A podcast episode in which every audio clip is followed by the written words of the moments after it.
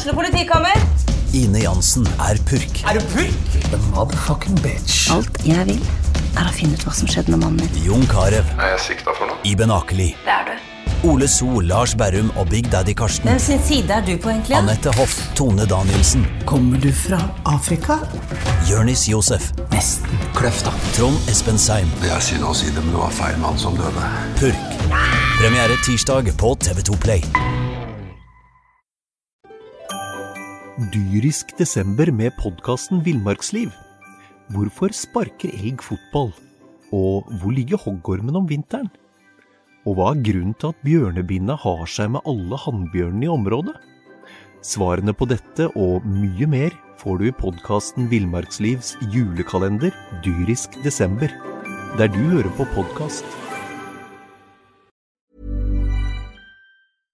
SA-podden presenteres av Fleksi. Regnskap med et smil.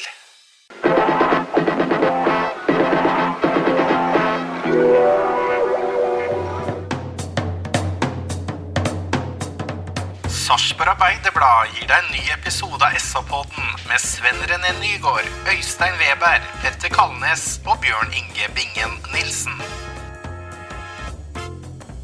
Hallo og hjertelig velkommen til eh, SA-podden, Sarpsborg Arbeiderblads egen fotballpodkast. I dag er laget noe redusert, for eh, unge herr Øystein Weberg har meldt eh, forfall. Har vi godtatt forfall, forresten, Sven? Ja, vi vet jo ennå ikke hva det gjelder. Det vet jeg, og jeg har godtatt det. Okay. Sven René Nygaard, hei! Hei, hei. Og Bingen er også hjertelig til stede. Ja, hei, hei. Brun og blid. Takk for det. Herlig. Ja, er det, det er det solfirmaet som heter det. Brun og blid. Ja, det er eh, alle sånne podder som eh, våre har noen sponsorer, Ja, noen som faste brun og blid. Besøk brun og blid. Som Bingen, så blir du blid. Ja, så treffer du Bingen stadig vekk. Det er to dager etter eh, match, men vi er fortsatt blide, vi òg, bokstavelig talt. eh, Sven, hva var hovedinntrykket da du gikk opp i byen og tok deg en Cola Light etter kampen lørdag kveld? Cola Light. Cola Light. Zero. Cola Zero, ja. ja. Du, vet du hva? Jeg eh, Nei, altså Jeg gikk med en sterk følelse av at dere nok en gang så gjør vi en solid fotballkamp. Vi har store perioder hvor vi kjører ball i hatt med Odd. Vi åpner litt svakt første åtte-ni minuttene, så lurer eh, både jeg og Bingen på blant annet, som sitter siden hva, skjer nå, liksom. Vi, vi ble trilla litt rundt. Og så rundt det niende minuttet så skjedde det noe. Etter det så så vi oss liksom ikke ordentlig tilbake i store perioder av hele kampen, tenker jeg. Og jeg syns det var en meget solid gjennomført. Ja, vi har en del å gå på når det gjelder de rette valgene osv. Så, videre, så lenge vi er så ballbesittende og vi er så høyt i banen over tid, så skal vi egentlig skåre mer mål, og vi skal punktere kampen. Det er en øvelse du må jobbe med, fordi det blir slitsomt å få en i ræva sånn utover i kampen når vi dominerer så mye. Det gjorde vi heldigvis ikke nå. Men sånn summa summarum så er det en gjennomføring som er langt over medium pluss i mine øyne. Mm. Tenkte du, Bingen? Ja, jeg eh, hadde én følelse når jeg gikk hjem fra stadion og var fornøyd med tre poeng. Og er veldig glad for at jeg så kampen en gang til eh, i dag. Og da sitter jeg med en eh, voldsomt positiv eh, følelse. For jeg syns vi, bortsett fra de åtte-ti første minuttene ikke nok med at det var kontroll, men vi styrer eh, spillet så knallhardt gjennom store deler av kampen så de faktisk eh, ligger med ti mann fra 30 meter og inn. Og eh, da er det vanskelig, eller da handler det egentlig om å være tålmodig, om å ikke, ikke slå bort ballen og få brudd imot. Da handler det om å være smart og finne lukene og ha bevegelser eh, foran ballfører hele veien. Men det blir selvfølgelig veldig skummelt når det er junior Martinsson som er ballfører, eh, og ha, at vi har syv, junior, eh, syv mann foran junior Martinsson på deres banehalvdel.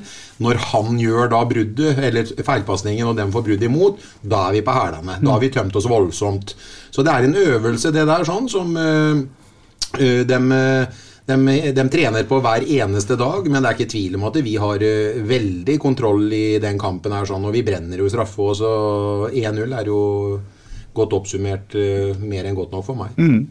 Har vi noen gang sett et dypere lag på Sarpsborg Stadionsund i Eliteserien, altså mot Sarpsborg 8? Det var helt ekstremt i perioder.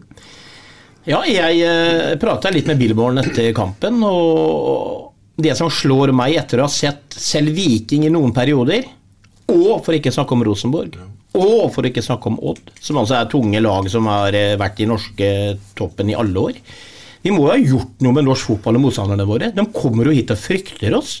De tør ikke å så høyt på oss. De er redd for å bli overspilt. Så her er det uten tvil en, en, en en måte vi spiller fotball på nå som motstanderne tar så høyde for, som de aldri har gjort før i moderne tid, som jeg husker.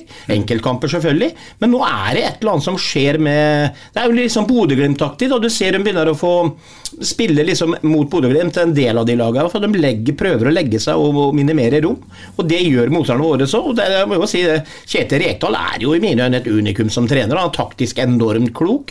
Og når selv han tar med seg mektige Rosenborg og legger seg rett utenfor egen 16-meter, så sier det litt om hvor langt eh, denne spillestilen til 08 har kommet. Jeg er helt enig, men det gjorde faktisk ikke Odd. Vi ble vel tatt litt på senga de første åtte-ti minuttene av, som du sa. Ja, første, men da tror jeg ikke vi var på bingen. Nei. Det var noe som skjedde da, for at det var litt uventa at det var Odd som skulle ta styringa hjemme på stadion. For det kampbildet hadde jeg ikke forventa meg. Men det varte ikke lenge. Det varte ikke lenge.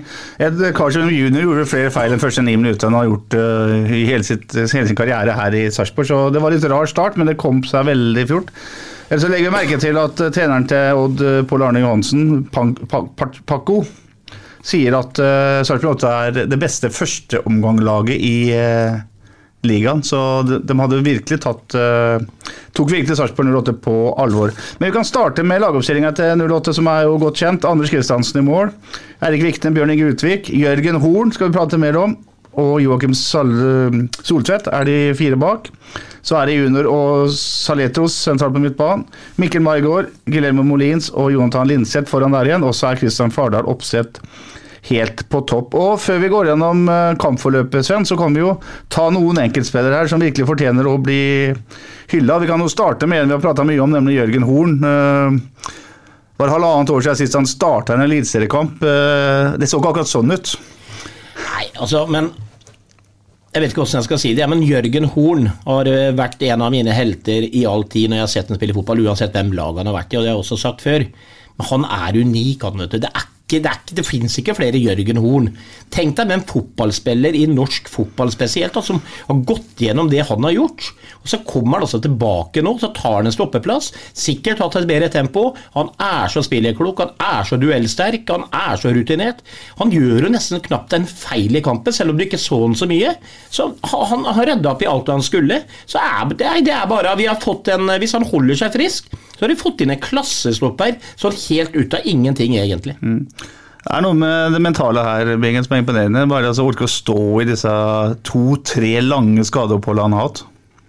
Ja, og den ene var jo helt forferdelig, for den mm. syntes jo så godt. Og den øyehula ja, ja, det var mot ja. Lillestrøm Nei, Vålerenga oppe på mm. Lillestrømhallen. Mm. kommer tilbake etter den, og så får han, eh, får han benbruddet og kommer tilbake etter det. og så han er jo, Det er jo hvem som helst annen i den alderen. Hadde vel i hvert fall gitt opp å spille på toppnivå. Hadde vel kanskje tenkt han skulle trappe ned sånn som Joakim Jørgensen og spille i Østsida, men han mm. gjør jo ikke det. Han kommer jo tilbake og, og spiller på toppnivå og gjør det veldig godt. Han og Utvik eh, løser jo veldig klokt. Mange syns det var overraskende kanskje at Jørgen ble valgt foran Magnar når skipper da hev inn håndkleet etter en stempling eh, på fredagstreninga. Mm. Så eh, syns vel mange stussa på at det, det ikke var Magnar som starta, men Magnar sliter jo med litt med akilles. Eh, Jørgen så jeg ble brukt på treninga i forrige uke i spillsekvenser, så det er tydelig at han vil ha Jørgen Horn oppe og går. og det fikk han jo svar på i den kampen her, sånn at han går ut, går ut i det 70. kanskje.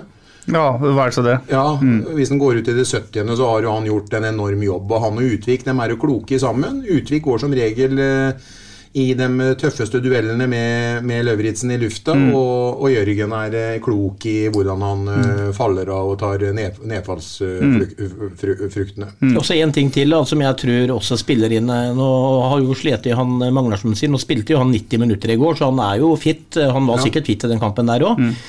Men, 90 ja, jeg, minutter i går, det er altså da B-kampen. Mm. Uh, men det, det, som Nå har ikke jeg analysert noen kamp og sett den mer enn én gang, men uh, han har nok ballen veldig mye av Jørgen Horn. Eh, som oppspillsmann bakfra. Han er kyla med ballen, finter en pasning og spiller den en annen vei. Eh, trer også framover i banedelganger, hvor han stort sett aldri har én feilpasning. Og det er jo noe Billborn ønsker. Spillende misloppere som er trygge med ballen. Og der er jo, Han, han er jo så voksen og rutinert, han Jørgen, så han er jo ikke redd for å, å prøve heller. Så da går det ofte bra. Så han har nok en eh, dimensjon i den biten også. Det er en undervurdert egenskap for Jørgen Horn. Der, vet du. Altså, spill med ball. Han er jo en ballspiller, og i tillegg til at han er beinhard, så interessant. Men vi skal, ta, vi kan gå videre på laget, og kommer til venstre back Joakim eh, Soltvedt, som vi har vært eh, kritiske til, spesielt i det defensive delen av arbeidet. Men jeg syns han er eh, meget bra lørdag, spesielt da med ball.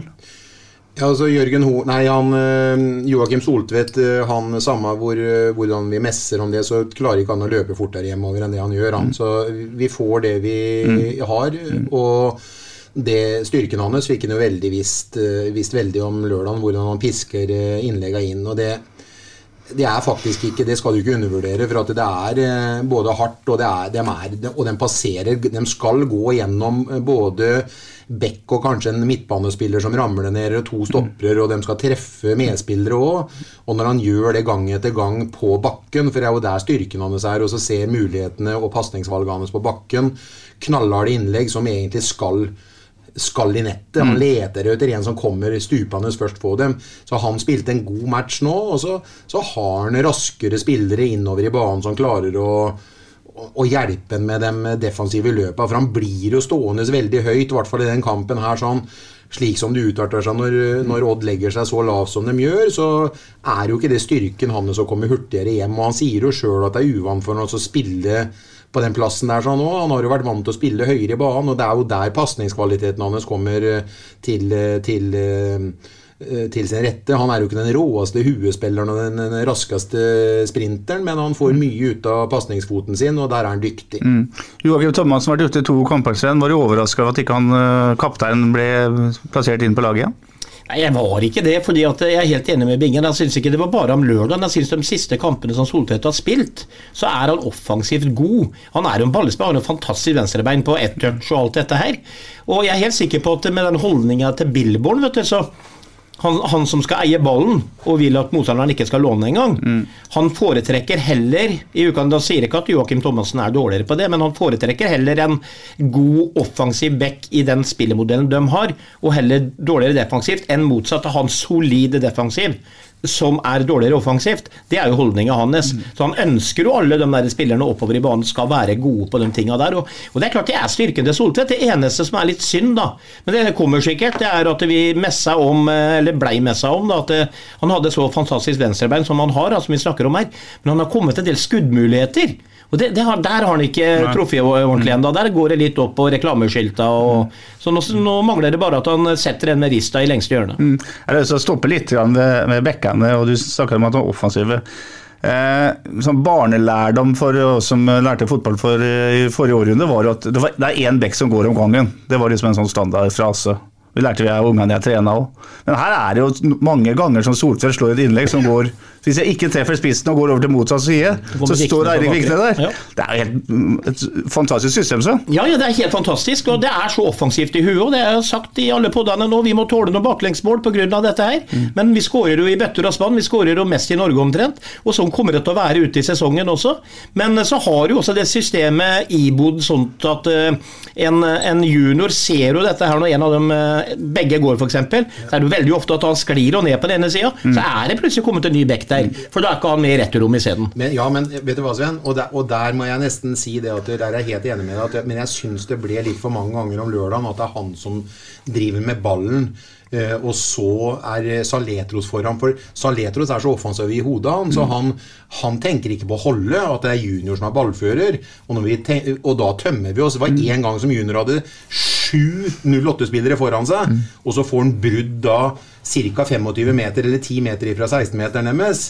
Og da er det skummelt. Da er vi sårbare også. Ja, og det, om, om, det er planen til Billborn, det vet jeg ikke. Nei, det, det, kan nok være men, men, det er noe rart med dette. her, for, fordi om, om han mister ballen på 16-meteren og junior Må ta deg på faen at Saletros er nede og tar bekkejobben. ja, ja. Han, han rekker jo ned foran Odd-spillerne likevel. Ja, Men det du sier er altså at ballføreren har altså to midtstoppere og keeper bak seg. Ja. Resten er foran Ja, ballen. Det er jo ja. ja. Og det er også en gammel barndomslærdom, vet du, Og han, som, Petter. og han som skal balansere midtbanen, han kan ikke gjøre det, faktisk. Det, det, da må han nesten bare gi bort til Saletros Ja, si så- ja.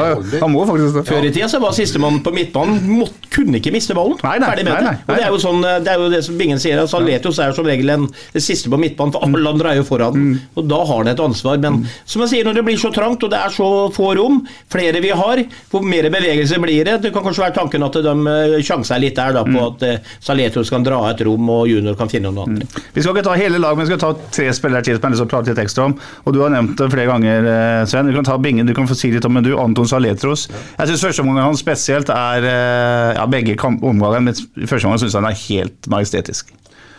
Jeg forstår Jeg er ikke sikker på om vi forstår egentlig hvor, hvor god han er i norsk fotball om dagen. Eh, Jeg ser Gauseth har en sånn eh, drømmeelver på gang på Eurosport nå. Det er jo et hån mot uh, oss som ligger på bronseplass, at ikke vi har én synlig spiller på det laget med alle de målene vi har skåret. Uh, Saletros er jo en majestet. Ikke majestet hvor han står og sprer baller, men han er jo knallhard. Eh, hardt arbeidende. Ned og opp. Han går i nærdueller med bena på bakken. Ligger nede to ganger og har ordentlig vondt, helt sikkert. Og det koster å, å, å, å, ta dem returløpa. Men ikke nok med at han vinner ballen på dem returløpa, men han er vi- uthvilt i hodet til å være konstruktiv og drive ballen oppover igjen i banen med ballen i bena. Han er eh, for meg nå, som jeg sier, at det, eh, det er lenge siden vi har snakka om eh, Zakariassen eh, i, i poden nå, men eh, nå kommer eh, virkelig Saletros eh, for nå er det jo eh, må jeg tenke, nå er det Først var han her, og så forsvant han, og så kom han tilbake igjen. Og så var han vel ikke helt der vi ønska han i fjor, men nå kommer han for fullt. Nå er han kjempegod. Nå vil jeg si at det er en av Jeg mener det, uten å være sjåvinistisk nå, at det er eh, eh, Kanskje topp tre midtbanespillere i, i, i norsk fotball om dagen. Mm. Jeg mener han er helt klart er nummer én jeg, akkurat nå. Det er ingen i nærheten. Og når du snakker om Gauseth nå Jeg husker ikke hvor jeg så den. Det var sånn Oppda-greier, eller det var noe fantasy-opplegg hvor det sto eh, og, rundens lag. Det var noen på 7,5 og noen på 8,2 og sånn. Den som var klart best, Saletros med 9,0. Så han var klart best i denne runden her òg, og jeg syns han har vært i nesten alle rundene. Så jeg, jeg kan ikke forstå hvem midtbanespiller som er bedre enn han nå. Og og så er jo Bingen inne på det vesentlige ting her, at han er så hardtarbeidende. Altså, er jo, Ja, han ja. vinner jo masse baller i tillegg. Ja, ja, ja, men det er jo ikke noe rart at han ikke var så god i fjordbingen, Altså, han, eh, det er, det er, Saletros spiller den fotballen han Saletros er født til å spille. Nå. Mm. Offensiv fotball med masse spillere i angrep, lete etter løsninger, eh, få eh, gratis rom pga. andre beveger seg rundt den, osv. osv. Det er som han, når jeg intervjua nå, han, han har et sånt salig glis i mix-zone der òg. Så jeg tror kanskje han tar med seg ball og legger den i senga og koser seg litt på kvelden. da. Så vokter våkner han sammen med den på morgenen. Ja, ja, ja, det er bra. Så er han bra. får ikke lov til å gå i augustvinduet. Nei, det skal vi snakke litt mer om etterpå.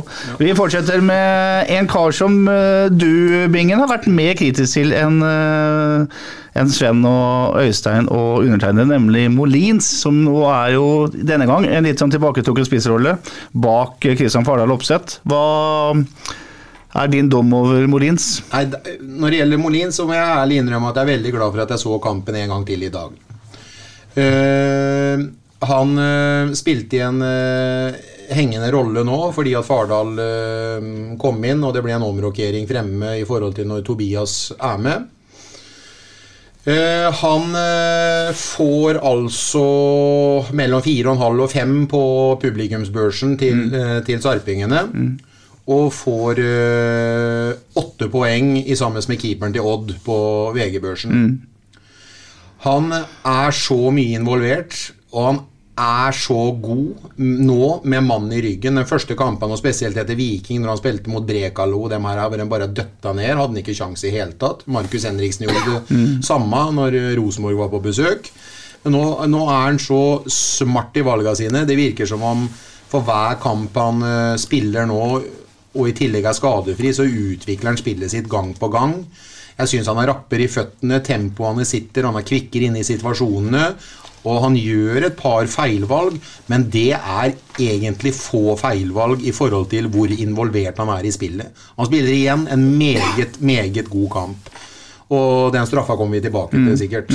Jeg syns uh, Guel... Gu, uh, jeg sier Molins. jeg. Guillermo. Ja, jeg sier Molins. Han har uh, virkelig kommet for å bli den sesongen her sånn, og jeg eh, det må jo være gøy for han å, å være i god kampform og være skadefri og bidra til laget sånn som han gjør nå. eh, og føle at han er eh, trent godt nok og har en så god inngang. og Laget vårt har jo fått den poenga vi trenger, og vi er jo gode om dagen. Det virvler jo rundt han og Linseth og Maigård og Saletros. og det er fantastiske ballspillere. Og så er det ikke nok med at det er masse bevegelse i dem.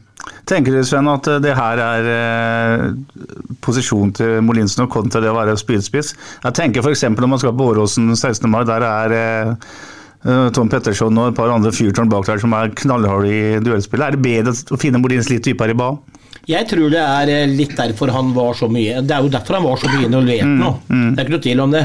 Og dette her med å få en ren klassesåpar opp i ryggen til enhver tid når du spiller midtspiss, det er noe helt annet enn å kunne sjøl lete etter rom og eh, finne sine rom og ikke få det trøkket opp i ryggen hele tida. Så ja, jeg er for så vidt enig. Jeg tror kanskje Molins egentlig kunne tenkt seg å spilt ren midtspiss, men jeg tror samtidig han eh, elsker å ha mye ball. Så det er jo ingen tvil om at den rollen han hadde nå, er perfekt for Molins. Så det er jo ikke Altså, når Tobias Heinz er en eh, boksåpner han gjør jo de utrolige tinga, men det gjør jaggu Molins. Han hadde noen overhopp. Eh, han hadde noen klekkgreier. og den ene situasjonen som jeg husker i andre omgang der hvor Odd ligger med hele laget inne, så chipper han en boll eh, mot bakre, liksom.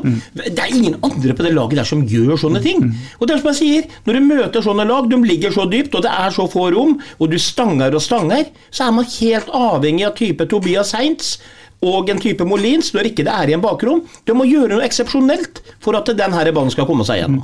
Var det et problem allikevel at uh, Linseth uh, havna til venstre og blir litt, mer, eller litt mindre med i spillet, da? Når Ja. Molins er sentralt i banen der? Ja da, det, det er jo ikke Det er jo eh, Kanskje ikke kalle det et problem, for vi vinner jo den kampen her også, men det er klart at Linseth kler mye mer en rolle hvor han kan vispe rundt. Og du så jo det i perioder at Linseth fra sin venstre kant plutselig var eh, borte mot høyre. Og, og det er litt fordelen med Billborn, tror jeg, for jeg tror ikke han er så ekstremt opptatt av den defensive organiseringen når vi mista ball. Da er det bare om å komme seg fort hjem med hele gjengen, fordi at de får friheter. Maigård vandrer inn, og Linseth over. Men det er, det er jo ingen tvil om at Linseth kler den her frie rollen mye bedre. Men Linseth kan true Roma som Molins ikke gjør, men Linseth kan jaggu ikke være så kreativ eh, i forhold til andre spillere som Molins er. Nei, og nå kommer jo forhåpentligvis også Tobias Heins tilbake og vil utfordre disse her om en plass på laget. Det er herlige, herlige problemstillinger. Ja, utfordre, og det må jeg si. Eh, Min påstand er det at hvis Fardal Opseth spiller 30 seriekamper for 0-8, så kommer han til å skåre et sted mellom 12 og 15 mål. Han er klinisk. Eh, Vi kan si hva vi vil om kropps, kroppsspråket hans. Jeg tror ikke han mener noe med kroppsspråket sitt. Det, er, han, det er bare sånn, han, sånn spillestilen hans er. Jeg tror ikke han er sur eller grinete eller at han virker negativ på lagkameratene sine, for de kjenner han fra treningshverdagen gjennom hele uka. Så det er bare å akseptere. Sånn er han, men det er klart han ønsker å uh, skåre mål. Og han setter den jo med bakhue og daler ned i lengst. Det er en fantastisk befrielse for han. Og han har jo skåret noen mål for oss nå på svært få kamper og svært få innhopp. Og Det betyr at han har mål i kroppen. altså Det er ikke noe tvil om det. Så det er, ja, han kommer til å være en utfordrer igjen. Og det er ikke sikkert at det, Tobias skal rett inn på laget, og at det skal gå på bekostning av Fardal Opseth igjen.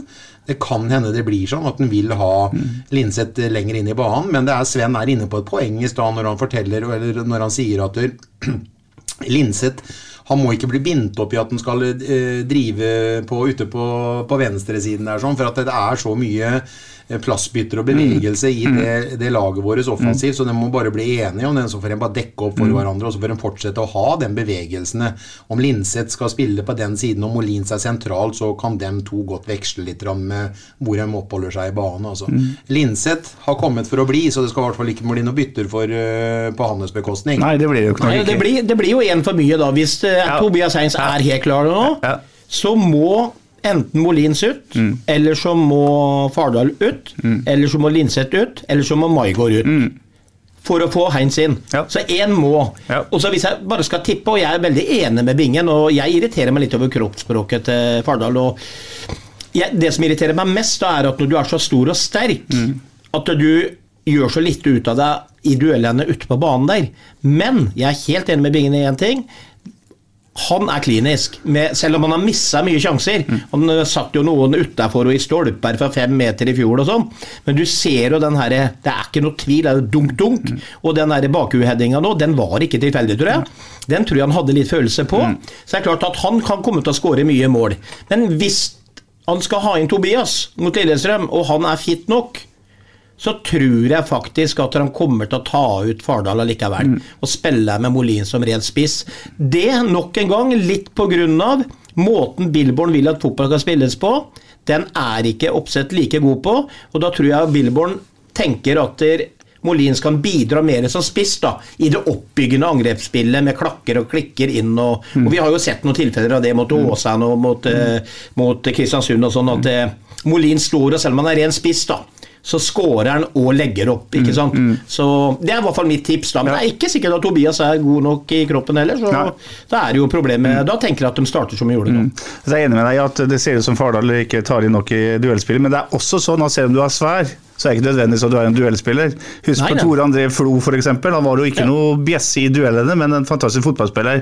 Øyvind Hovås akkurat det samme. Han ble døtta bort mye, Ja. men bra med ballen i bena. Så, så jeg Men tror Fardal også øve på å bli litt mer kødd. Ja, det er jeg enig i. Øve på å bli litt kødd. Ja, ja. Tråkk dem på bena, Ja. eller uheldig Ja. Mm. med en albu. Eller bare liksom Her er jeg. Eh, og jeg ber ikke om at han skal være stygg, men uh, og Jeg sier ikke at han er dårlig, men han er så jævlig svær og Mm. sterk, så han bør nesten ikke tape en duell hvis han ordentlig oppsøker dem og ønsker å gå i dem. i hvert fall. Ja, og i et lag som skårer, eh, skaper mye sjanse i bingen, så, så vil jo han her gjøre mye mål, som du sier. Jeg er helt overbevist om at han kommer til å skåre de målene som Kone gjorde i fjor, hvis at han får lov til å beholde den posisjonen der. sånn. Mm. For han, er, eh, han er, er så klinisk, og det, vi, vi skaper så mye sjanser. Og for å spille en spiss med den målteften og den eh, plasseringsevnen han har inne i boks, og ikke minst hvor eh, god han er med venstrebenet sitt, og han er god på hodet òg, så han kommer til å, å skåre mål. Men det som er så deilig nå, vet du, Bingen, det er det at vi vet jo det at der, sånn som fotballen er Maigård, Heinz, Molins, Oppsett og Linseth, hvis vi tar alle de fem. Ja, men nå, nei, og da tenker jeg liksom de Ja, ja. helt der oppe, da. En av dem er stadig vekk litt småskada, vet du. Altså, det er jo ofte sånn, det er ikke ofte at alle de fem konstant er friske og raske. Så da har vi liksom til enhver tid, da, hvis bare én av dem er borte eh, per kamp, så har vi bestandig en eh, firer oppå på toppen der som er veldig, veldig god. Bra. Ålreit, hvis skal ser litt på kampen vi skal prate om. Den eh, starter, som vi har vært innom, på, på en litt merkelig måte.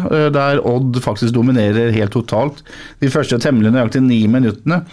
Eh, Da ser det ikke ut som eh, Sarpsborg 8 er helt på, på, på jobb, men så skjer det noe etter ni minutter. Det er en mulighet der Linseth og Soltvedt er involvert. Det ender opp i en corner, og derfra, som Sven sa i stad, så, så, så ser ikke Sarpsborg 8 seg tilbake. Etter tolv minutter så kommer den første kjempesjansen. Et strålende innlegg fra Soltvedt. Fardal Opseth og Maigård går i samme ball, og så er det Maigård som treffer den, eh, Sven, og setter den i tverrliggeren. Den er ikke ferdigskåra, men det der er en Det, det, det tror jeg ikke Margot er helt fornøyd med, for å si det sånn. Nei, altså eh, Hvis jeg hadde sagt til Margot vet du hva, Margot, det her var, det er jeg enig i, det her var dritdårlig. Den, den skal du score på. Så sier han 100 ganger av 100 ganger ja. Det var dritdårlig. Ferdig med det. Ja, da var det. For den, eh, men der snakket vi, du snakka om innlegget i stad, Bjørn Inge. Det innlegget til Soltvedt er jo helt fantastisk. Ja, han pisker den jo inn eh, i, vanvittig, eh, i vanvittig hastighet. og jeg, jeg, jeg vet ikke jeg, gutter, men eh, jeg har ikke vært i så mange situasjoner akkurat som Maigård er der. sånn, Men Du har ikke Det vært i så mange som egentlig bare skal ha problemer med bare å få benet på ham, for det går Ja jæklig fort. det- det gjør det. Og han kommer løpende, stusser, selvfølgelig. Han kommer i tempo Ja, inn, ja, ja, ja. han frigjør seg, Ja. og han får benet på han, og at den går eh, At ikke nettet løfter seg Han gjør jo det helt rett. altså Keeperen er jo sjanseløs. Så den går i tverrliggeren og undersida og ned. liksom faen, det er jo, Han er ikke ferdigskåra i det Han setter tempoet, benet på ballen, liksom, bare. på fem meter og triller den ut igjen, vær så god, i tempo så vidt ballen ruller. Det her er det pang-pang, altså. Knallinnlegg av Soltvedt. Utrolig friløp av uh, Maigård. Får benet på han. Jeg vil heller si bare klassespill og uheldig at ikke han sitter. Sånn sier jeg det. Ja. Ikke Ja da, det, det var ikke meningen å være negativ, ingen. må Men ikke være så jævla ute etter Maigård, altså. Nei, opp, men, men poenget mitt er at dere, jeg tror at hvis Maigård prøver å sette denne tverrliggeren en gang til, så tror jeg ikke han klarer det. Da tror jeg han sitter i nettet hver Ja, gang. Enig. ikke sant. Men det var fantastisk flott angrep. Ja. Og da begynte stadion bare, og da, da var vi med. Ja, og resten av omgangen, vi bør ikke gå gjennom alle sjansene, store og små målsjanser, men det er total dominans. Eh, Sarpsborg 8 står høyt i banen, eh, og Odd er en periode, som du sa, med timene innenfor, eh, eller alle 11 faktisk, innenfor 30 meter. Jeg tror til og med det var 25 noen ganger. Eh, skyldes det Sarpsborg 8s eh, gode spill, eller er det Odd som gjør dette her helt bevisst, eh, Sven, eller er det en kombinasjon av dette her? Det er helt sikkert en kombinasjon, og det er en av grunnene til at Rosenborg og i det avsparket går ned på stadion, så snur de ryggen til, så springer de ned og legger seg utenfor 16 og venter. Mm. de vet hva som kommer, eh, og de eh, laga mener at den største sjansen vår nå mot et 0-8 med den spillestilen der, er å være, ligge dype og kjøre kontra på dem. For det hadde jo jeg som mottrener òg tenkt, nesten. Det er eh, Tenk deg det eldorado av kontringsrom man får mot 08 når de trykker på. Og det har vi jo sett eksempler av, og derfor har vi sluppet inn en del mål også. Men det er nok en stor kombinasjon av eh, en fantastisk offensiv fotball. Jeg bare hyller deg, Billborn. Og eh, Edlund og Bjørklund, alle sammen. Det er fantastisk. Eh, Så det her ligger en kombinasjon av at vi er gode på det, og at de andre tenker at vår beste medisin mot 08, det er å ta det litt lugnt i store perioder. Jeg går gjennom notatene mine nå og ser at på nesten i annenhver av disse punktene mine, så er bekkene involvert. Soltvedt og Vikne. Både ved avslutninger, ved innlegg. Eh, her er til og med Vikne på at Vikne prøver seg også på å få seg straffespark. Det blir jo sånn Bingen, at når de ligger så dypt, så må det komme folk bakfra for å skape overtall. Men her får de lov, vet du. Det er jo en trener, det er jo trenerteam her sånn som, eh, som eh, tillater at man skal få lov til å være offensive. Det er jo ikke noe stare som uh, før motstanderne erobrer ballen, så skal vi switche om, og så skal vi ligge med tre stoppere eller to bekker. Helt, helt hjemme. Her er det jo lov! Her får jo lov. Billborn har jo sagt ifra. Uh, helt fra kickoff at eh, den største utfordringen er jo også å få dem til å tro på seg sjøl at de er så gode som han mener at de er. Det er jo, eh, det er, det er, det er jo lov for Soltvedt og ikke rekke hjem, holdt jeg på å si, for at det er andre som tar den rolla der. sånn, og Hvis vi får et mål imot fordi at Filosofien er jo så enkel og så fin og så deilig at hvis vi får et mål eller to, så sier jo, sier jo Bjørklund nå at vi, vi ønsker jo ikke vi ønsker jo helst å vinne 3-0 istedenfor 3-2. Men hvis det går på bekostning av at vi har tømt oss litt og ikke klarer oss å komme helt hjem fordi at vi har hatt så mange i angrep, så er jo det tydeligvis Det er jo ingen som blir hengt av Billborn fordi at vi får en kontringsmål mot oss fordi at vi har eh, kanskje ligger igjen med to stoppere og keeper. Det må være et fantastisk morsomt system å spille, Sven, og det ser du på spillerne nå. At det, altså, den sprudler jo. Det er eh, ja, Jeg er jo ikke noe stygt sagt av meg når Bingen liksom drar inn det med stare og sånn, da. Så får jeg sånn gusninger i kroppen. Og tenk på, Der har vi sittet og sett eh, i flere år på den måten vi spilte fotball. Og så opplever vi det gjør nå om dagen, liksom. Det er jo liksom. Vi har kommet til en helt ny verden. Folk gleder seg, jeg gleder meg. Eh, Før så dro du på kamp for å dra på kamp, nå drar du på kamp for å se på underholdning, og du får det jo. Så det er klart det her må være som hånd i hanske. Og så tenk deg det, vi kunne jo ikke spilt starefotball med det laget der vi Og så er jo bare offensive huer. Og så hadde vi ikke klart å ta fra en kald ball. Den kunne ikke ligget bak og venta. Vi får kjørt oss som helvete. Vi hadde hatt en firer eller femmer. Hadde gått helt greit. Men de defensive fibra i de folka som er foran der, det er jo helt dødfødte. De er født de er født med ball i beina. De er født for å skåre mål. De er født for å fly og drible og le og ha det gøy. Og det gjør de ute på banen. Det gjør de med mix-zone. Så det er eh, Jeg sier igjen, jeg hyller hele opplegget i Sarpsborg 08 om dagen. Bra. En omgang eh, med total eh, dominans for hjemmelaget, bortsett fra de ni første minuttene. Allikevel, Bingen, så må vi trekke fram en kjemperedning fra Anders Kristiansen. En corner etter 29 minutter som eh, Steffen Hagen, midtstopperen, Bautaen, lagkaptein til Odd, kliner til på volley fra ca. 16 meter. Det er litt av en redning. Ja.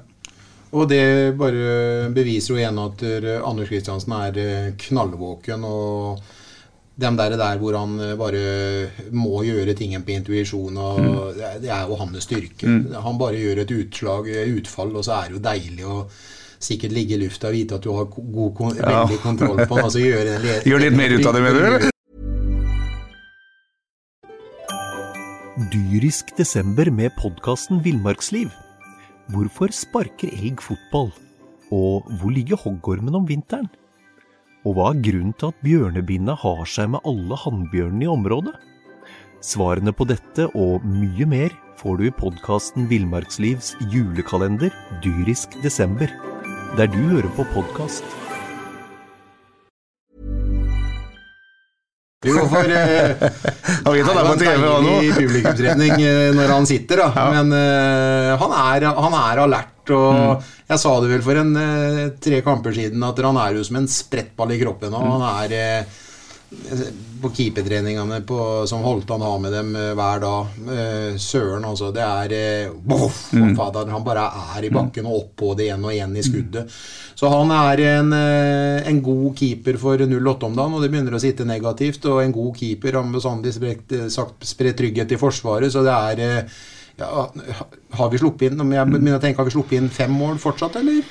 Seks, vel? Er det ja, fem eller seks? mål? Ja, det er jo ikke noe Ja, vi har 10-6, ja. Seks. ja, seks mål. Det er jo for et lag som spiller så offensiv fotball og, eh, og på en måte spiller med den risikoen de gjør defensivt, så må du jo si at der, Anders Kristiansen og Utvik eh, og dem som har vært makker til Utvik nå, være seg både Magnar og, og han eh, Skipper. Anton Skipper og nå eh, Horn, ja. Jørgen Horn. Altså, De syr jo sammen laget veldig godt bak der, så han, selv om eh, viktene kommer litt høyt i banen, så klarer jo han ofte å, å få tempo og være med på løpet hjemover igjen. og eh, Soltvedt blir dekka opp for er veldig Saletros, veldig ofte Saletros som klarer å ta den tunge løpa de, defensivt på, på kanten, Også, og han eh, junior som er eh, flink til å demme opp eh, sentralt i midtbanen, så de har jo et voldsomt hjerte for å komme hjemover. også, det er toveispillere som er, eh, er vanvittig løpsstyrke i. og ja, Det er bare gøy. det er bare gøy. Anders Kristiansen har vært uh, veldig god nå, så det er ikke noe tvil om at han skal stå i mål eh, sånn som han har utviklet. Det er ikke noe tvil om noen plasser, egentlig. nå. Det, er, det det er mange som melder seg på. og Det er klart at du, for Magnar og Ole Jørgen og Joakim Thomassen nå, så er det jo ikke noe sånn der, liksom, Det er ingen som eier noen plasser her nå. Det er bare til å jobbe på mm, faen i hver Ja, ja. eneste treningsuke for å bevise at du er god nok. Og det er liksom det som det, det du sier her, Bingen, er litt spesielt. fordi at når vi drev og satte opp noen lag og sånn her tidligere, så var det ikke så vanskelig å ta ut den elveren. Den var liksom ganske gitt, da. Men nå ser du liksom altså en Joakim som var skada. Og det tross alt Soltvedt har prestert nå, det gjør at det, det, det er konkurranse. En reell konkurranse mellom dem to nå, syns jeg. Så har du også Skipper, som plutselig kom inn og blei wow! Mye bedre enn det vi, jeg hadde sett den i hvert fall tidligere. Og så er det ut med en par gutter, med bl.a. Magnar. Så kommer Jørgen inn. Det er ikke gitt at Magnar skal ta plassen fra Jørgen igjen. Og hvor skal Skipper komme inn? Vet du hva? Vi har plutselig en ordentlig konkurranse. Altså, nå sitter jeg Jeg skal være så stygg å si at jeg syns at vi ble svekka hvis jeg tenkte at han, han og han ble skada. Men nå er jeg ikke så redd for at han, han eller han blir borte. For nå har vi noen erstatninger som viser nå om dagen at de er like gode. Og plutselig så blir bredden større i mine øyne, og det skal jeg ta tilbake. Jeg, syns jeg har liksom ikke følt det, jeg, da. Men akkurat per i dag, da, så syns jeg at bredden er mye bedre enn jeg frykta tidligere, i hvert fall. Ja, Selv om det er færre spillere enn det var tidligere, faktisk. ja. ja. mm. Bra. Eh, ser ut som en veldig bra fotballomgang eh, skal ebbe ut med 0-0. og Det får vi jo svaret på etter hvert, og det blir det jo også. Men det er en gedigen sjanse, selvfølgelig. Når eh, Molins og Kristian Fardal Opseth kombinerer litt, så dukker Junior opp og får et straffespark som ser billig ut, Binge. Vi må være så ærlige. Ja, jeg, når jeg så den, Det så jeg ikke på stadion, men når jeg ser det nå på kampen i stad igjen i reprise, så, så er det billig. Der, der går junior for eh, det han eh, ønsker, og det er straffe, og det får han faktisk. eh, Jeg er ikke sikker på om det var noe voldsomt touch eller noen ting heller, men eh, det blir straffe. Det er en luring, eh, Sven. Han har vært ute og vinternatt før, han der. Vår venn junior. Ja, og så er det liksom, og så må det jo være vanskelig som tidligere forsvarsspiller å tenke når han kommer inn i 16-meteren der, og det er mye mennesker rundt deg også, for det var ganske kaotisk inni der. Med de små, kjappe, korte beina og sidebevegelser og sånn, så er det fort gjort å komme borti han der. Og som du sier, han er rutinert, vet du. Og det er lov, det. til å, Det er dommeren sin jobb å bestemme om det er straffe eller ikke. Jeg sa, Bingen, at straffesparket til Molins var et sånn klassisk eh, spark i feil høyde. Den såkalte keeperhøyden. Du er ikke helt enig i det? Nei, vet du hva, jeg gikk sammen med, med Stig Austdal og Lars-Erik Tutti Kristiansen til byen etter kampen. Og Da sa jeg det at det var en svak straffe av Molin. Sånn som jeg oppfatta det, så var det både bare så Den kunne jeg jo bare sluppet meg til høyre på og så tatt den inn. For at den så både sånn og sånn ut. Men jeg så på, på TV i dag. Helsikeren! Den var både langt borte og veldig godt plassert, så det jeg vil heller ta med hatten og si at den banens beste og åtte som Leopold, Leopold Wahlstedt, svensken i mål for, eh, for Odd, får, den er vel fortjent. Og det er en kanonredning samtidig som han nesten klarer å vende i lufta, for så å komme tilbake på sin egen retur. Og Molin stuper inn igjen og får gult kort. eh, helt greit, det, altså. Men eh, det var en kjemperedning på, på, på straffa til Molins. Så Molins, det jeg sa at den kunne jeg bare lagt meg til høyre og tatt eh, inn, det, det var helt feil. Da måtte jeg nok strukket meg litt til. Ja, selv du. ja. Jeg syns også faktisk at han er Han er også hard. altså Han slår ordentlig på ballen. Det er ikke noe sånn ja, ja, Det var ikke noe dårlig straffe. Nei. Så vi kommer til å brenne flere straffer eh, i åras løp eh, i 08. Og det kommer til å være dårligere straffer som blir brent, men det her var en god straffe. Det var en bra redning av uh, Hvalstedt. Du sier at eh, straffe skal være mål, og det, det er kun én jeg eh, som jeg spiller sammen med, hvor jeg visste at straffe bestandig var mål, som jeg tror knapt eh, missa. Frode Mathisen. Han eh, fikk bestandig keeperen til feil hjørne, han satt den hver gang. Men det er lov faktisk å være god keeper også. Det fins gode keepere her i verden Ja. som kan ta det utroligste. Du lurte på i fjor hvorfor i himmelens navn ikke Sondre Råsbakk større Ja. mål men ja. nå har du jo fått nok et bevis Ja, på det. ja, Bra ja, vet du keeper. hva? Ja, han mista plassen Sondre Rossbakk eh, og har vært i landslagsdiskusjon, Mm. og mista plassen til han eh, Hvalstedt i fjor. Og det er nok en grunn for. Det er en jæklig god keeper de har der. Mm. Ålreit, 0-0 i pause. Annen uh, omgang starta med en 0-8-dominans. Det jo, men 50 minutter har spilt, Sven, og Espen Ruud av evighetsmaskinen på høyrebekken til Odd skyter klokken til stanga. Der ser vi hvor små marginer det kan være i fotball. Der kunne det fort vært 0-1. Ja, og det der eh, i forhold til marginer, der, eh, der skjer jo det som vi har pratet om som må skje. Når vi ligger og trykker og trykker litt her sånn, og er offensive i huet. Eh, Altså, Jeg var et eldorado der. Mm. Bingen sa det tidlig, og når jeg satt siden han Se, nå kommer Ruud, sier han. Og det gjorde han jo. Snakk om strak rist, altså. Det der er ja, men han, han kunne Ja, ja. Han hadde jo ikke noen folk foran seg. nei, nei, nei. Altså, han hadde jo, Det var som jeg pleide å si før, det, hele Karl Johan lå åpen, så han bare kunne fly, han. Hadde vært yngre så han gått heltid, men han orka ikke så han skjøt. Det sånn det det? var jo egentlig den beste spilleren Odd kunne tenke seg å komme i den situasjonen. ja. Han får jo ikke noe bedre skuddbein i Odd enn eh, der, og det var en fantastisk utførelse. Og som du sier, små marginer, den kunne gå stolpe igjen. Eh, Bare minutter etterpå så er det Sarpsborg 8 som har en sjanse. Fardal Oppsett og Molins kombinerer. Eh, Oppsett skyter i nettveggen fra skrått hold. Så er det en kjempesjanse Linseth, pasning fra Molins. eh, Nok en god redning fra Hvalstedt, osv. osv. Det er eh, virkelig eh, dominans 08. Utvik har et skudd rett på keeper fra ganske langt hold. Og så kommer det da 62 minutter, eh, Sven. Eh, skal vi tro på Kristian Fardal Opseth når han sier at den eh, Jeg gjør det, jeg, altså, men den bakhueheadinga der er kald beregning? Vet du hva? Jeg, jeg- kan med 99,9% sikkerhet si at det er meninga, for jeg har sett reprise av skåringa. Og da ser du hvordan han på en måte hopper. Du ser nesten at han har øye på ballen mens han snur seg i lufta, for han vet at det er eneste muligheten. Og så føler han bare det treffpunktet, så jeg tror faktisk det var mye mer kontrollert enn det mange trodde at det var flaks. Jeg tror det var en goalgetter-skåring. Han er så rask på reprise. Eller han er ikke noe raskere på reprise, men han, ja, du, hvis du ser reprisa om og om igjen, så vender han i lufta og får Uh, ansiktet mot mål igjen så fort som bare, for han vet at det er en god retning Ja, ja. når han treffer den i bakhuet. Vet at han er skikkelig i nærheten av noe. Ja. Det er eh, disse goalgetter-egenskapene har vi jo snakket om eh, til vi blir grønne, men det er, det er noe som er medfødt. Det er jo ikke alt du kan trene etter, Sven. Det her, eh, han her har skåra mål sannsynligvis fra han begynte å spille fotball. Ja, ja. Det er, eh, det er eh, Som jeg sier, golgetere, goalgettere de er, eh, de er goalgettere gjennom hele livet. Nils Arne Eggen sa du skal aldri kimse av en spiller uansett nivå, så lenge han skårer mye mål. Jeg, eh, Bingen, nå kjenner du han eh, uten sammenligning for øvrig. Svein Dahl, som spilte i SFK. Han skåra vel aldri under 20 mål, og den eh, åra der, Bingen, så vet du hvor mange kamper vi spilte. Vi spilte vel maks 22 kamper i sesongen omtrent før i tida.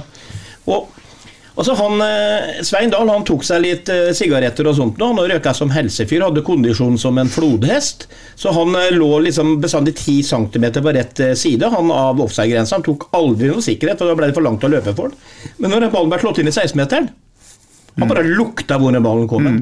Altså Han, hadde, han breisida dem i mål i hytt og pine, fordi han visste hvor den ballen kom. Blei det duell, så visste han hvor den ballen landa. Der kom Svein Dahl og satte den rett i kassa.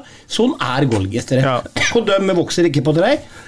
Og så er det noe med det å skape seg selvtillit, for det er noe som er viktig for spisser. Så De lever egentlig kun av én ting, og det er å skåre mål. Det, det er alt som gjelder for dem. Og Derfor så var det selvfølgelig ufattelig deilig at også nå Oppsett fikk satt inn den, og ikke bare Molin, f.eks. For, det, de, for hver sjanse du misser, dårligere selvtillit, mindre bidrar de, og nå er han i gang. Ja, og sånne, sånne typer som det der, goalgetere, var jo mange også i breddefotballen. Og, og det som er med sånne, som forsvarsspillere, altså føler at du har full kontroll på dem, Ja, ja. og så taper du 1-0, og så skårer de målet. Det er du, du, du I kan bli- ja. Helt, helt uh, En herlig egenskap. Uh, ja, Vi kan ta noen sjanser. Linseth 65 minutter, et venstrebenskudd. eh, og Så kommer den vippen fra Molin som du snakka om, til Soltvedt, som dunker det på volley etter 67 minutter. Og så videre og så videre. Men 70, etter ca. 70 minutter så, så løfter eh, Odd seg litt og får litt mer banespill. Så gjør eh, Billborn eh, trippelbytte. Horn, Molins og Fardal Opseth går ut. Ødegaard, eh, Stephanie Skålevik og Martin Høiland kommer inn. Og så tar han også fire minutter senere og tar ut begge bekkene, Vikne og Soltvedt, som begge sliter med noe småtteri, inn med Ole Jørgen Halvorsen og Joakim eh, Thomassen. Og så blir det som det alltid blir når det ene laget leder eh, på overtidbingen. Det, det blir liksom noe trøkk inn i, inn i boksen foran han, eh, Anders Kristiansen. Ja. Eller var du ikke nervøs, eller var du Nei, jeg var egentlig ikke det, men jeg, jeg tenker jo det at det er helt naturlig utvikling. At skal dem nå skal, dem, skal, skal Odd få med seg noe, så må de jo løfte laget sitt. Og det betyr at det må blottlegge seg bakover. Så øh, fra å ha veldig kontroll på å trykke dem, trykke dem og trykke dem, så løfter du dem spillet sitt, og det er jo naturlig at vi må ta hensyn til noen. Så øh, jeg var aldri noe, noe engstelig Jeg var, jeg, var, jeg, hadde, var egentlig Jeg satt heller og venta på at vi skulle få ett til, for å si det sånn. Jeg syns øh, jeg syns Saletros i den perioden der, sånn de siste ti minuttene Jeg syns han var god i hele kampen. Jeg syns han var ekstremt god. Han vil, så, han vil så ille. Han involverer seg, han tar de dype løpa. Og han driver med ballen gjennom. Han ser etter gode løsninger. Fy fader, han spiller jo aldri en alibipasning. Han. han spiller jo en pasning med mening hver eneste gang han erobrer. Så jeg eh, er ganske trygg på at det vil skje noe offensivt for oss før dommeren blåser i den perioden der. Ja. Du nevner innbytter, eller eh, bredden i stallen, Sven. Når du kan sette inn på Magnar Rødegård, Stephanie Skålefik, eh, Martin Høiland, Ole Jørgen Halvorsen og Joakim Thomassen som innbyttere, da, da har du en brukbar bredde i et uh, fotballag. Ja da, det er ikke noe tvil om det nå. Det er ikke noe tvil om Nei. det. Det er, eh, det er spillere du har håper å si, hørt om i alle år og sett i alle år, men de kommer jo inn og gjør en god jobb. og det, Jeg syns det er genialt å gjøre den byttene der. Selvfølgelig både Soltvedt og Vikne har løpt noe jækla mye vet du, i løpet av den kampen der, og får inn en eh, for så vidt en klok Ole Jørgen Halvorsen, full av rutine, løpskraft. Joakim Thomassen flytter beina fort, får friske bein på sida, som eh, kanskje får litt mer beskjed da, at det ikke går begge to nå, liksom. Nå, nå skal dere hjelpe til hjemover.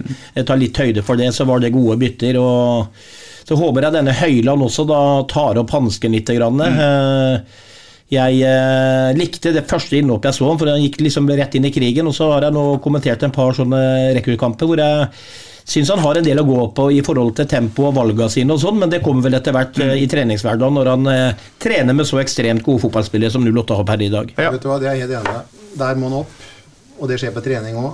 Han har noen stygge pasningsvalg og noen ballmiss eh, hvor han ligger eh, dypt på midtbanen. Ellers er det ikke noe å tvile på fysikken hans og løpsstyrken hans og duellkrafta hans, men han må være mye mer konsentrert med ball i bena og i forhold til å ta avgjørelser på hvor den ballen skal hen, Mm. istedenfor å komme opp i dumme situasjoner. Ikke sant. Bra. På overtid så er det, hadde jeg nær sagt selvfølgelig Steffen Lie Skålevik som tvinger Steffen Hagen til å sparke ned, hadde jeg nær sagt. Eh, Hagen er eh, uheldig. Steffen Lie Skålevik, vi snakka om det om lørdagsvenn. Eh, han er tøff, vet du. For han setter ut bena. Han er helt overbevist om at nå blir jeg sparka ned. Ja, men han tør det. Ja, ja. Og jeg kommenterte jo den der rekruttkampen i går også. Skåra et par mål i går òg. Det er sånn derre i innsats han, I går hadde han en chip i går, men som jeg tror kanskje var en blanding av chip og litt sånn Litt halvveis skudd, da, men eh, det er ikke sånn, det. Men det var sånn i går òg. Så spiller jeg mot de Halsen-spillerne som Skikkelig grinete og litt fysiske, noen av dem, og litt sånn kødda. Liksom. Men han stikker ut den beina, hører det smeller opp, og, og han ligger og piper litt og reiser seg opp igjen. Og da liksom, I går òg. Jeg gjorde ikke noe stor kamp Skålevik i går. Det var 90 minutter beinhard jobbing på rekruttlaget. Og det ser du ikke ofte på rutinerte, eh, kall dem litt tidligere plasserte fotballspillere som har vært på et A-lag i mange år. Svært få av dem som går ut der og gjør den jobben. Og da vil jeg bare si Nå var ikke Rashad med i går, men han var med på forrige kamp jeg kommenterte. Oi, oi, oi. Da var jeg eh. Da ble jeg skikkelig irritert, rett og slett. For han gjorde absolutt alt av det motsatte som eh, Skålevik gjør med ungguttene på, på rekruttlaget. Ja, Hagens andre gule kort er, eh, eller første gule kort får han i forbindelse med skåringen til Fardal Opseth. Da han eh, helt riktig Bingen eh, sier at dette her er eh, dommer, dette her er faktisk i corner. Men det ble det og marginer igjen. Et lag som har, eh, er i flyt, de får også en corner som de ikke skulle hatt, og så skårer de seiersmålet på den. Sånn er det. Det ender 1-0 på Sarpsborg stadion, og folk gikk strålende fornøyde hjem.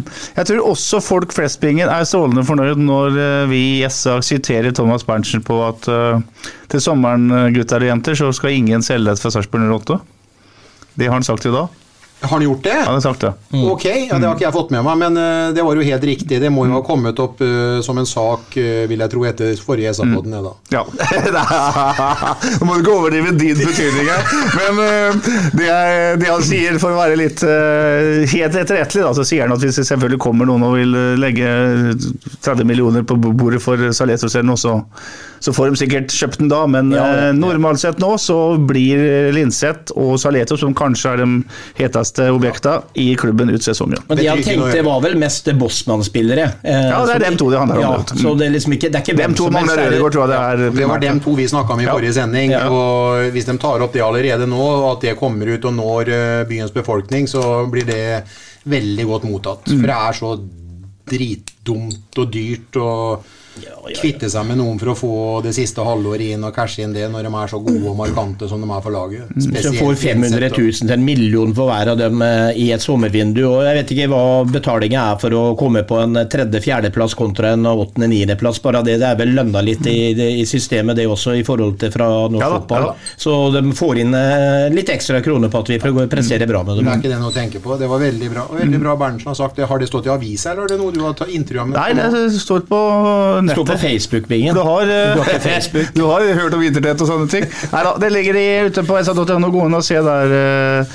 Og sende på fakskanalen. Siden sist gang òg, så har jo også Det var vel etter forrige pod, eller kanskje en med før det, så har jo også da styreleder Hans Petter Arnesen vært ute og sagt at han gjerne vil eh, tilbake til Europa og ha et eventyr der.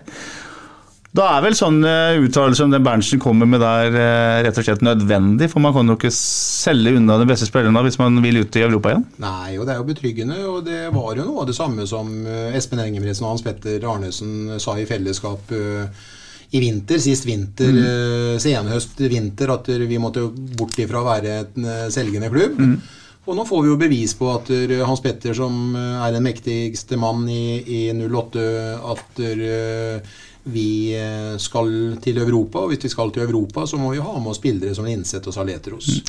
Og så får vi finne en, eh, en gyllen middelvei for å få det til å gå i hop i forhold til lønnsmessig. Mm. altså det demokratiske som vi har eh, og har hatt i klubben, det er sikkert endra seg litt grann ettersom veien har gått, både under Europa og etter Europa. Men det er klart at det, koster jo mer å ha en godt etablert klassespiller som kan velge og vrake litt kontra en som eh, er nummer 14 og 15 i stallen. Så jeg jeg ønsker at de eh, finner en løsning med både Linseth og Saletro, så skal de ikke se bort ifra allerede at det europaeventyret kan komme i 2023. Og de er, så vidt jeg har skjønt, eh, av omveier allerede i en tidlig kontakt med disse spillernes agenter.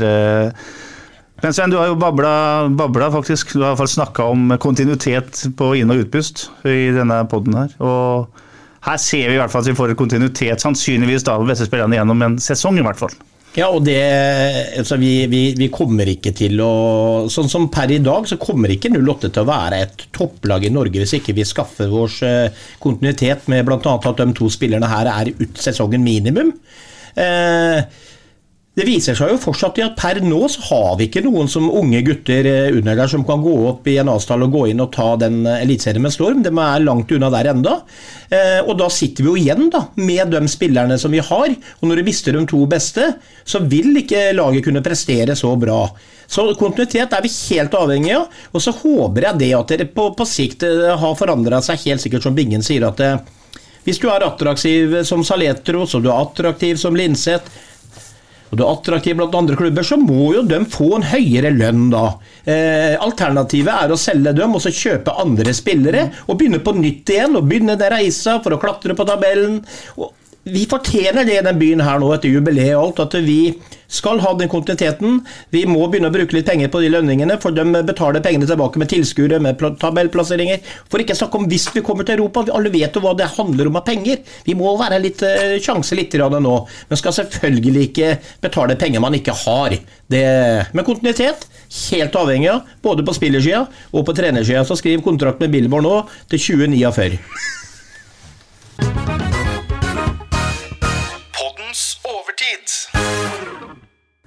Vi skal snakke litt om psykologi i eh, overtida i dag. og Ikke det at vi har blitt noen sånn eh, veldig eksperter på det. Men Sven, du har prata om eh, det psykiske, det mentale innad i et fotballag veldig mange ganger. At ting kan snu fort. Det handler om å tenke positivt, det handler om å gå sammen med kameratene sine osv. osv. Jeg vil også snakke om det mentale i en hel fotballby. Ja, for det vi opplever nå og Jeg vil påstå da, at om lørdag, når dere, eller vi gikk ut fra stadion og gikk oppover sammen med folk Hadde dette her vært i fjor, da man vant 1-0 under Stare eller Bohinen, så hadde man sagt ja, ja, vi vinner jo, men Odd har et skudd i stanga. Om lørdagen så er alle utrolig positive. Alle er glade, alle er fornøyde. Selv om det bare ble 1-0, og de også hadde skudd i stanga. Det er en helt annen holdning i hele byen nå. Ja, den er eh, både for undertegnede og for eh, byen, som du sier, og for oss her i poden nå, det hører vi jo, så er det snudd helt på huet. Og det er, For meg så er svaret veldig enkelt. Fremoverlente, positive trenere gir fremoverlente, positive spillere som presterer. Og sånn som de håndterer media, sånn som de snakker i mikrofonene. Altså, du, du, du gir jo håp til alle. Altså, Alle i byen blir glad i dem. Alle får trua på det. Og etter at vi slår Odd, så sier jeg til Billborn Ja, Billborn, nå er vi klar for eh, toppkamp nå, da, på Åråsen. Det første han sier, er jo liksom Det er ikke noe snakk om eh, eh, Stare kunne kanskje sagt, tenker jeg, da Ja, vi har ikke spilt så mange matcher og alt dette her. Han sier ja. Jeg er sikker jeg, på at gutta våre kommer til å prestere veldig godt på Åråsen. Ferdig, ikke sant? Faen, Hvordan skal du tolke det noe annet enn positivt? Nå får jeg gåsehud under her igjen. Fremoverlente trenere gir fremoverlente spillere. Byen blir fremoverlent, alle blir glad, alle er fornøyd. Og så presterer de i tillegg. Altså, Psykologi, selvfølgelig er det viktig. Og så, som jeg sier, Tenk om Sara hadde trent det laget her i dag og skulle spilt den fotballen vi spilte. Det hadde ikke gått. Det går ikke. Billborn ser jo det. Og det er derfor de henter inn Heinz. Vet jo det at det, altså Jeg hører jo sånn som Saletros, som er så god Han sa til meg altså, han elsker Heinz. Han er så bra spiller, Heinz, Igjen. For han, han er jo akkurat som han. Det er klikk-klakk, det er bevegelser, ser løsninger opp og ned, fram og tilbake. Han elsker å leve i det her eh, eh, samfunnet han er i nå på fotballklubben. Det, det, det, er, det er for trenerens fortjeneste på måten å spille fotball på. Jeg ser ikke treningene, Bingen gjør det, men jeg kan godt tenke meg at det, er mye positivitet der også. Og at dette her sprer seg. Og det sprer jo hele byen, det. Det er ikke vanskeligere enn det. Positivitet. Du kjenner jo halve byen, eh, Bingen. Har jeg rett i at, eh, at optimismen er voldsom og, og positiviteten er stor? Eh, absolutt. Og folk eh, Jeg føler jo liksom at nesten alle er ambassadører for 08 om dagen. For eh, vi går så ille i takt og ønsker å identifisere oss med det som, som skjer. Og eh, vi har kommet over den koronaknekken nå. Jeg tror faktisk at eh, publikumstallet bare kommer til å stige på stadion, og at det kommer nye inn. og det er jo gledelig at jeg ser på bildene under kampen etter kampen. altså Det kommer lag i ung, ung, ungene, altså de neste supporterne våre, eller dem som skal eh, utvikle det videre. De kommer med treningsoverhalsene fra Borgen. Det kommer et eh, lag fra Mysen. 150 stykker, tror jeg det var fra Mysen. Ja, det er, det er, jo- det er liksom det, det, det, er ikke, det, er ikke, det er ikke Samsklubb, det, altså. Det er eh, oppe i Indre Østfold, i distriktet der, sånn. Og så kommer de hit til oss. Det er jo så gøy som bare rakkeren. Og ja, folk er positive, og jeg regner med det at der, eh, alle restaurantene i, i byen på lørdag kveld var kjempefornøyd med at det ble seier, og at folk ikke gikk hjem, og at der, eh, mange gikk på byen og kosa seg. Og det du ser etter kampen eh, Treffer Trond Eriksen, den gamle keeperlegenden fra Hafslund, som sto i, i Moss. Altså, det er jo liksom dem, for Alle folk koser seg jo med det, og det hadde ikke skjedd hadde det ikke vært for det var 08 og at det hadde vært kamp og det hadde vært seier. Vi er glad, vi er positive. Og vi ønsker å bare se stigninga av det som eh, Billborn og, og trenerteamet nå har, eh, har, bygd, og den positiviteten og den troa laget har fått. Og nå setter vi jo sammen to omganger. Nå er det jo liksom ikke én knallomgang, og så faller vi andre. Nå begynner det å bli stabilitet, og kvaliteten og troa på egne ferdigheter den bare stiger og stiger i form av at selvtilliten vokser og prestasjonene blir bedre og bedre. Bra. Vi tar eh, tabellene. Vi vil si det er fort gjort, for vi skal finne Sarpsborg 8 på den tabellen. Så er det Viking som leder med 15 poeng på seks kamper. Lillestrøm 14 poeng på seks kamper. Og Sarpsborg 8 da 10 poeng på fem kamper. Og da bør vi ikke gå lenger ned på tabellen, Sven. Fordi 16. mai så skal eh, byens engler til eh, Åråsen og møter Geir Bakkes eh, Lillesem, et lag som i likhet med Sarpsborg 8 går litt på og går, går ikke på vingene, vet du flyr litt på vingene. Og Flyr på vingene og går på vingene. vannet, kanskje? Sånn er det kanskje, ja. Sist vi var på Åråsen, må jeg nesten venne meg til deg, eh, Bingen.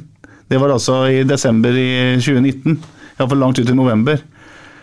Det var, en, det var en gufs, altså, en fotballkamp. Der var det to lag som var så nervøse at de holdt på å gjøre på seg, og det ble 0-0. Eh, Lillestrøm havna i kval, Sarpsborg 8 klarte seg, og Lillestrøm gikk da senere ned. Nå er det altså en ny kamp, men nå er det toppkamp, Sven. Eh, Fotball kan være merkelig. Ja, eh, fotball er ferskvare på alle mulige måter. og det er jo det som skjer ved at Geir Bakke det er, han, han er litt sånn oppbrukt i 08. Går da til Lillestrøm. De starter dritdårlig i Obos-ligaen. Folk begynner å prate etter sju kamper. De klarer faen ikke til å gå opp, men så gjør de det. Og så gjorde de en knallsesong i fjor, og så gjør de en uh, fantastisk start nå. Vi får ny trener. Alt snur. Vi blir plutselig gode, ikke sant? Og der har trenerne et stort Geir Bakke er en fin fyr, mm. så han skrur på knapper, sånn som Billeborn har gjort her. Og der har vi begge lag funnet sine fantastiske trenerkapasiteter. Og så kan jeg liksom ikke fri meg. altså Vanskeligste bortekampen i mine øyne er eh, Det blir Bodø-Glimt, og så er det Molde. Men så er den tredje vanskeligste, det er eh, Åråsen. Det er noe møkk altså der inne. Og det kommer til å bli fyr i teltet fra minutt igjen.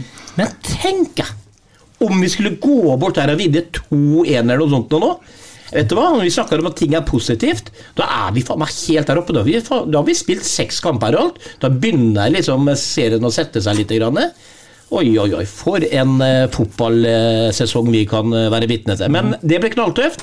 Men er det noen som kan slå Lillestrøm der borte, så er det sånn et 08-lag nå, som er så hurtig i balltempo og offensiv i huet, at det kommer Lillestrøm til å slite med. De kommer til å bli spilt lave Lillestrøm mot, sann mine ord.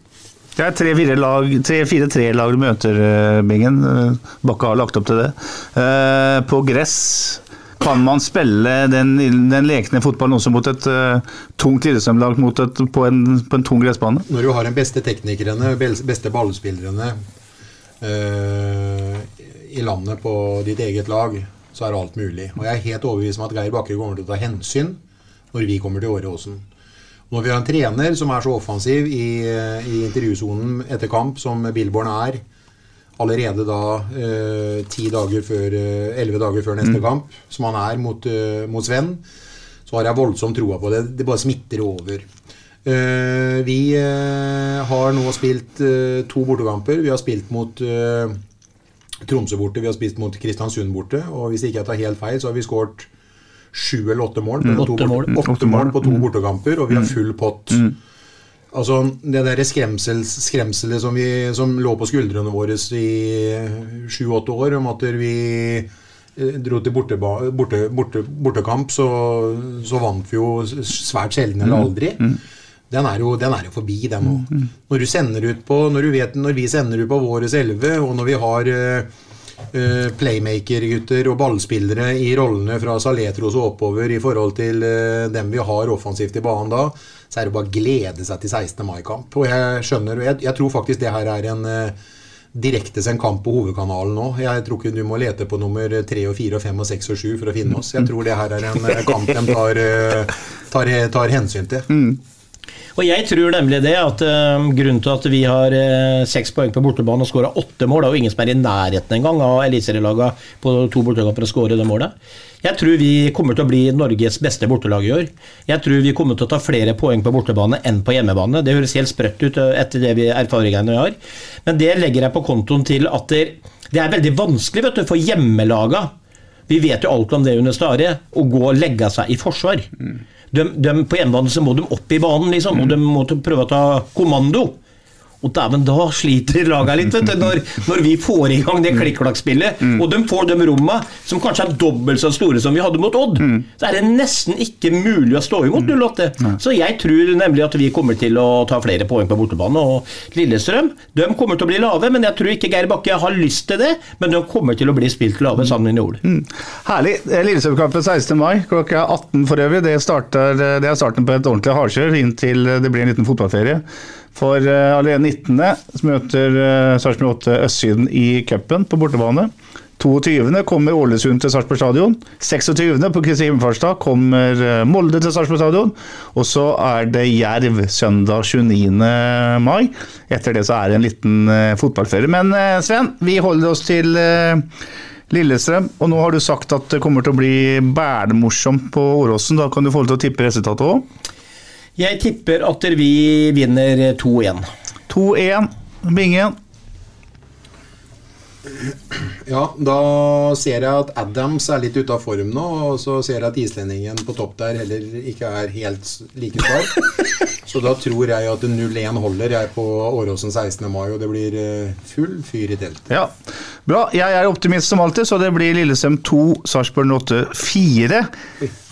Og Øystein Weber hadde sikkert tippa Skal vi- tippe hva Øystein har tippa? Ja, det, det, det blir målløst, det, vet du. Det er, jeg, jeg tror det blir 0-0, hadde Øystein sagt. Og det hadde han vært fornøyd med å ja, nulle det er poeng null der ute, så får vi et poeng 0-0, Ja, ja. sier Weber. Bra. Jeg håper Vegard Weber er, eh, tar feil med det, og at han er hjertelig tilbake når vi skal ha en ny podkast. Er det noe mer å tillegge da? Nei, bare gled dere til 16. mai. Ja, og vær stolte der ute av laget vårt om dagen, og støtte opp 100% Kom dere til Åråsen? Jeg så det var satt opp to busser i hvert fall, som var fulle. og Eh, Er det billetter, så kom dere dit og møt opp som svarte hjemme mot Ålesund, for da Da etter da kommer, da kommer hjemmekampene på rekke og rad, Ja. så møt opp, vær positive. Det her kommer til å bli tap, men til syvende og sist så kommer vi til å ende høyt på tabellen, skåre mye mål, spille underholdende fotball. Så kan det godt hende Hans Petter Arnesen får troll i ord i forhold til at vi vil ut i Europa, og det kan skje allerede neste sesong. Da sier vi Jobba i Nitimen, eller? Da sier vi amen til Vingen og sier at vi prekes. Vi prekes. SA-podden presenteres av Fleksi. Regnskap med et smil. Dyrisk desember med podkasten Villmarksliv. Hvorfor sparker elg fotball? Og hvor ligger hoggormen om vinteren? Og hva er grunnen til at bjørnebinna har seg med alle hannbjørnene i området? Svarene på dette og mye mer får du i podkasten Villmarkslivs julekalender Dyrisk desember, der du hører på podkast. Ukens annonsør er HelloFresh. HelloFresh er verdens ledende matkasseleverandør og kan være redningen i en travel hverdag. Mange av oss har nok vandret i butikken både sultne og uten en plan for middagen, som ender med at vi går for de samme kjedelige rettene gang på gang. Middag burde være dagens høydepunkt. Som HelloFresh kan du nå velge mellom 25 ulike retter hver eneste uke, eller få HelloFresh til å sette sammen menyen for deg. Dette gir deg muligheten til å prøve nye og spennende retter alene eller sammen med familien. Du velger antall porsjoner og får alt levert på døren på et tidspunkt som passer for deg.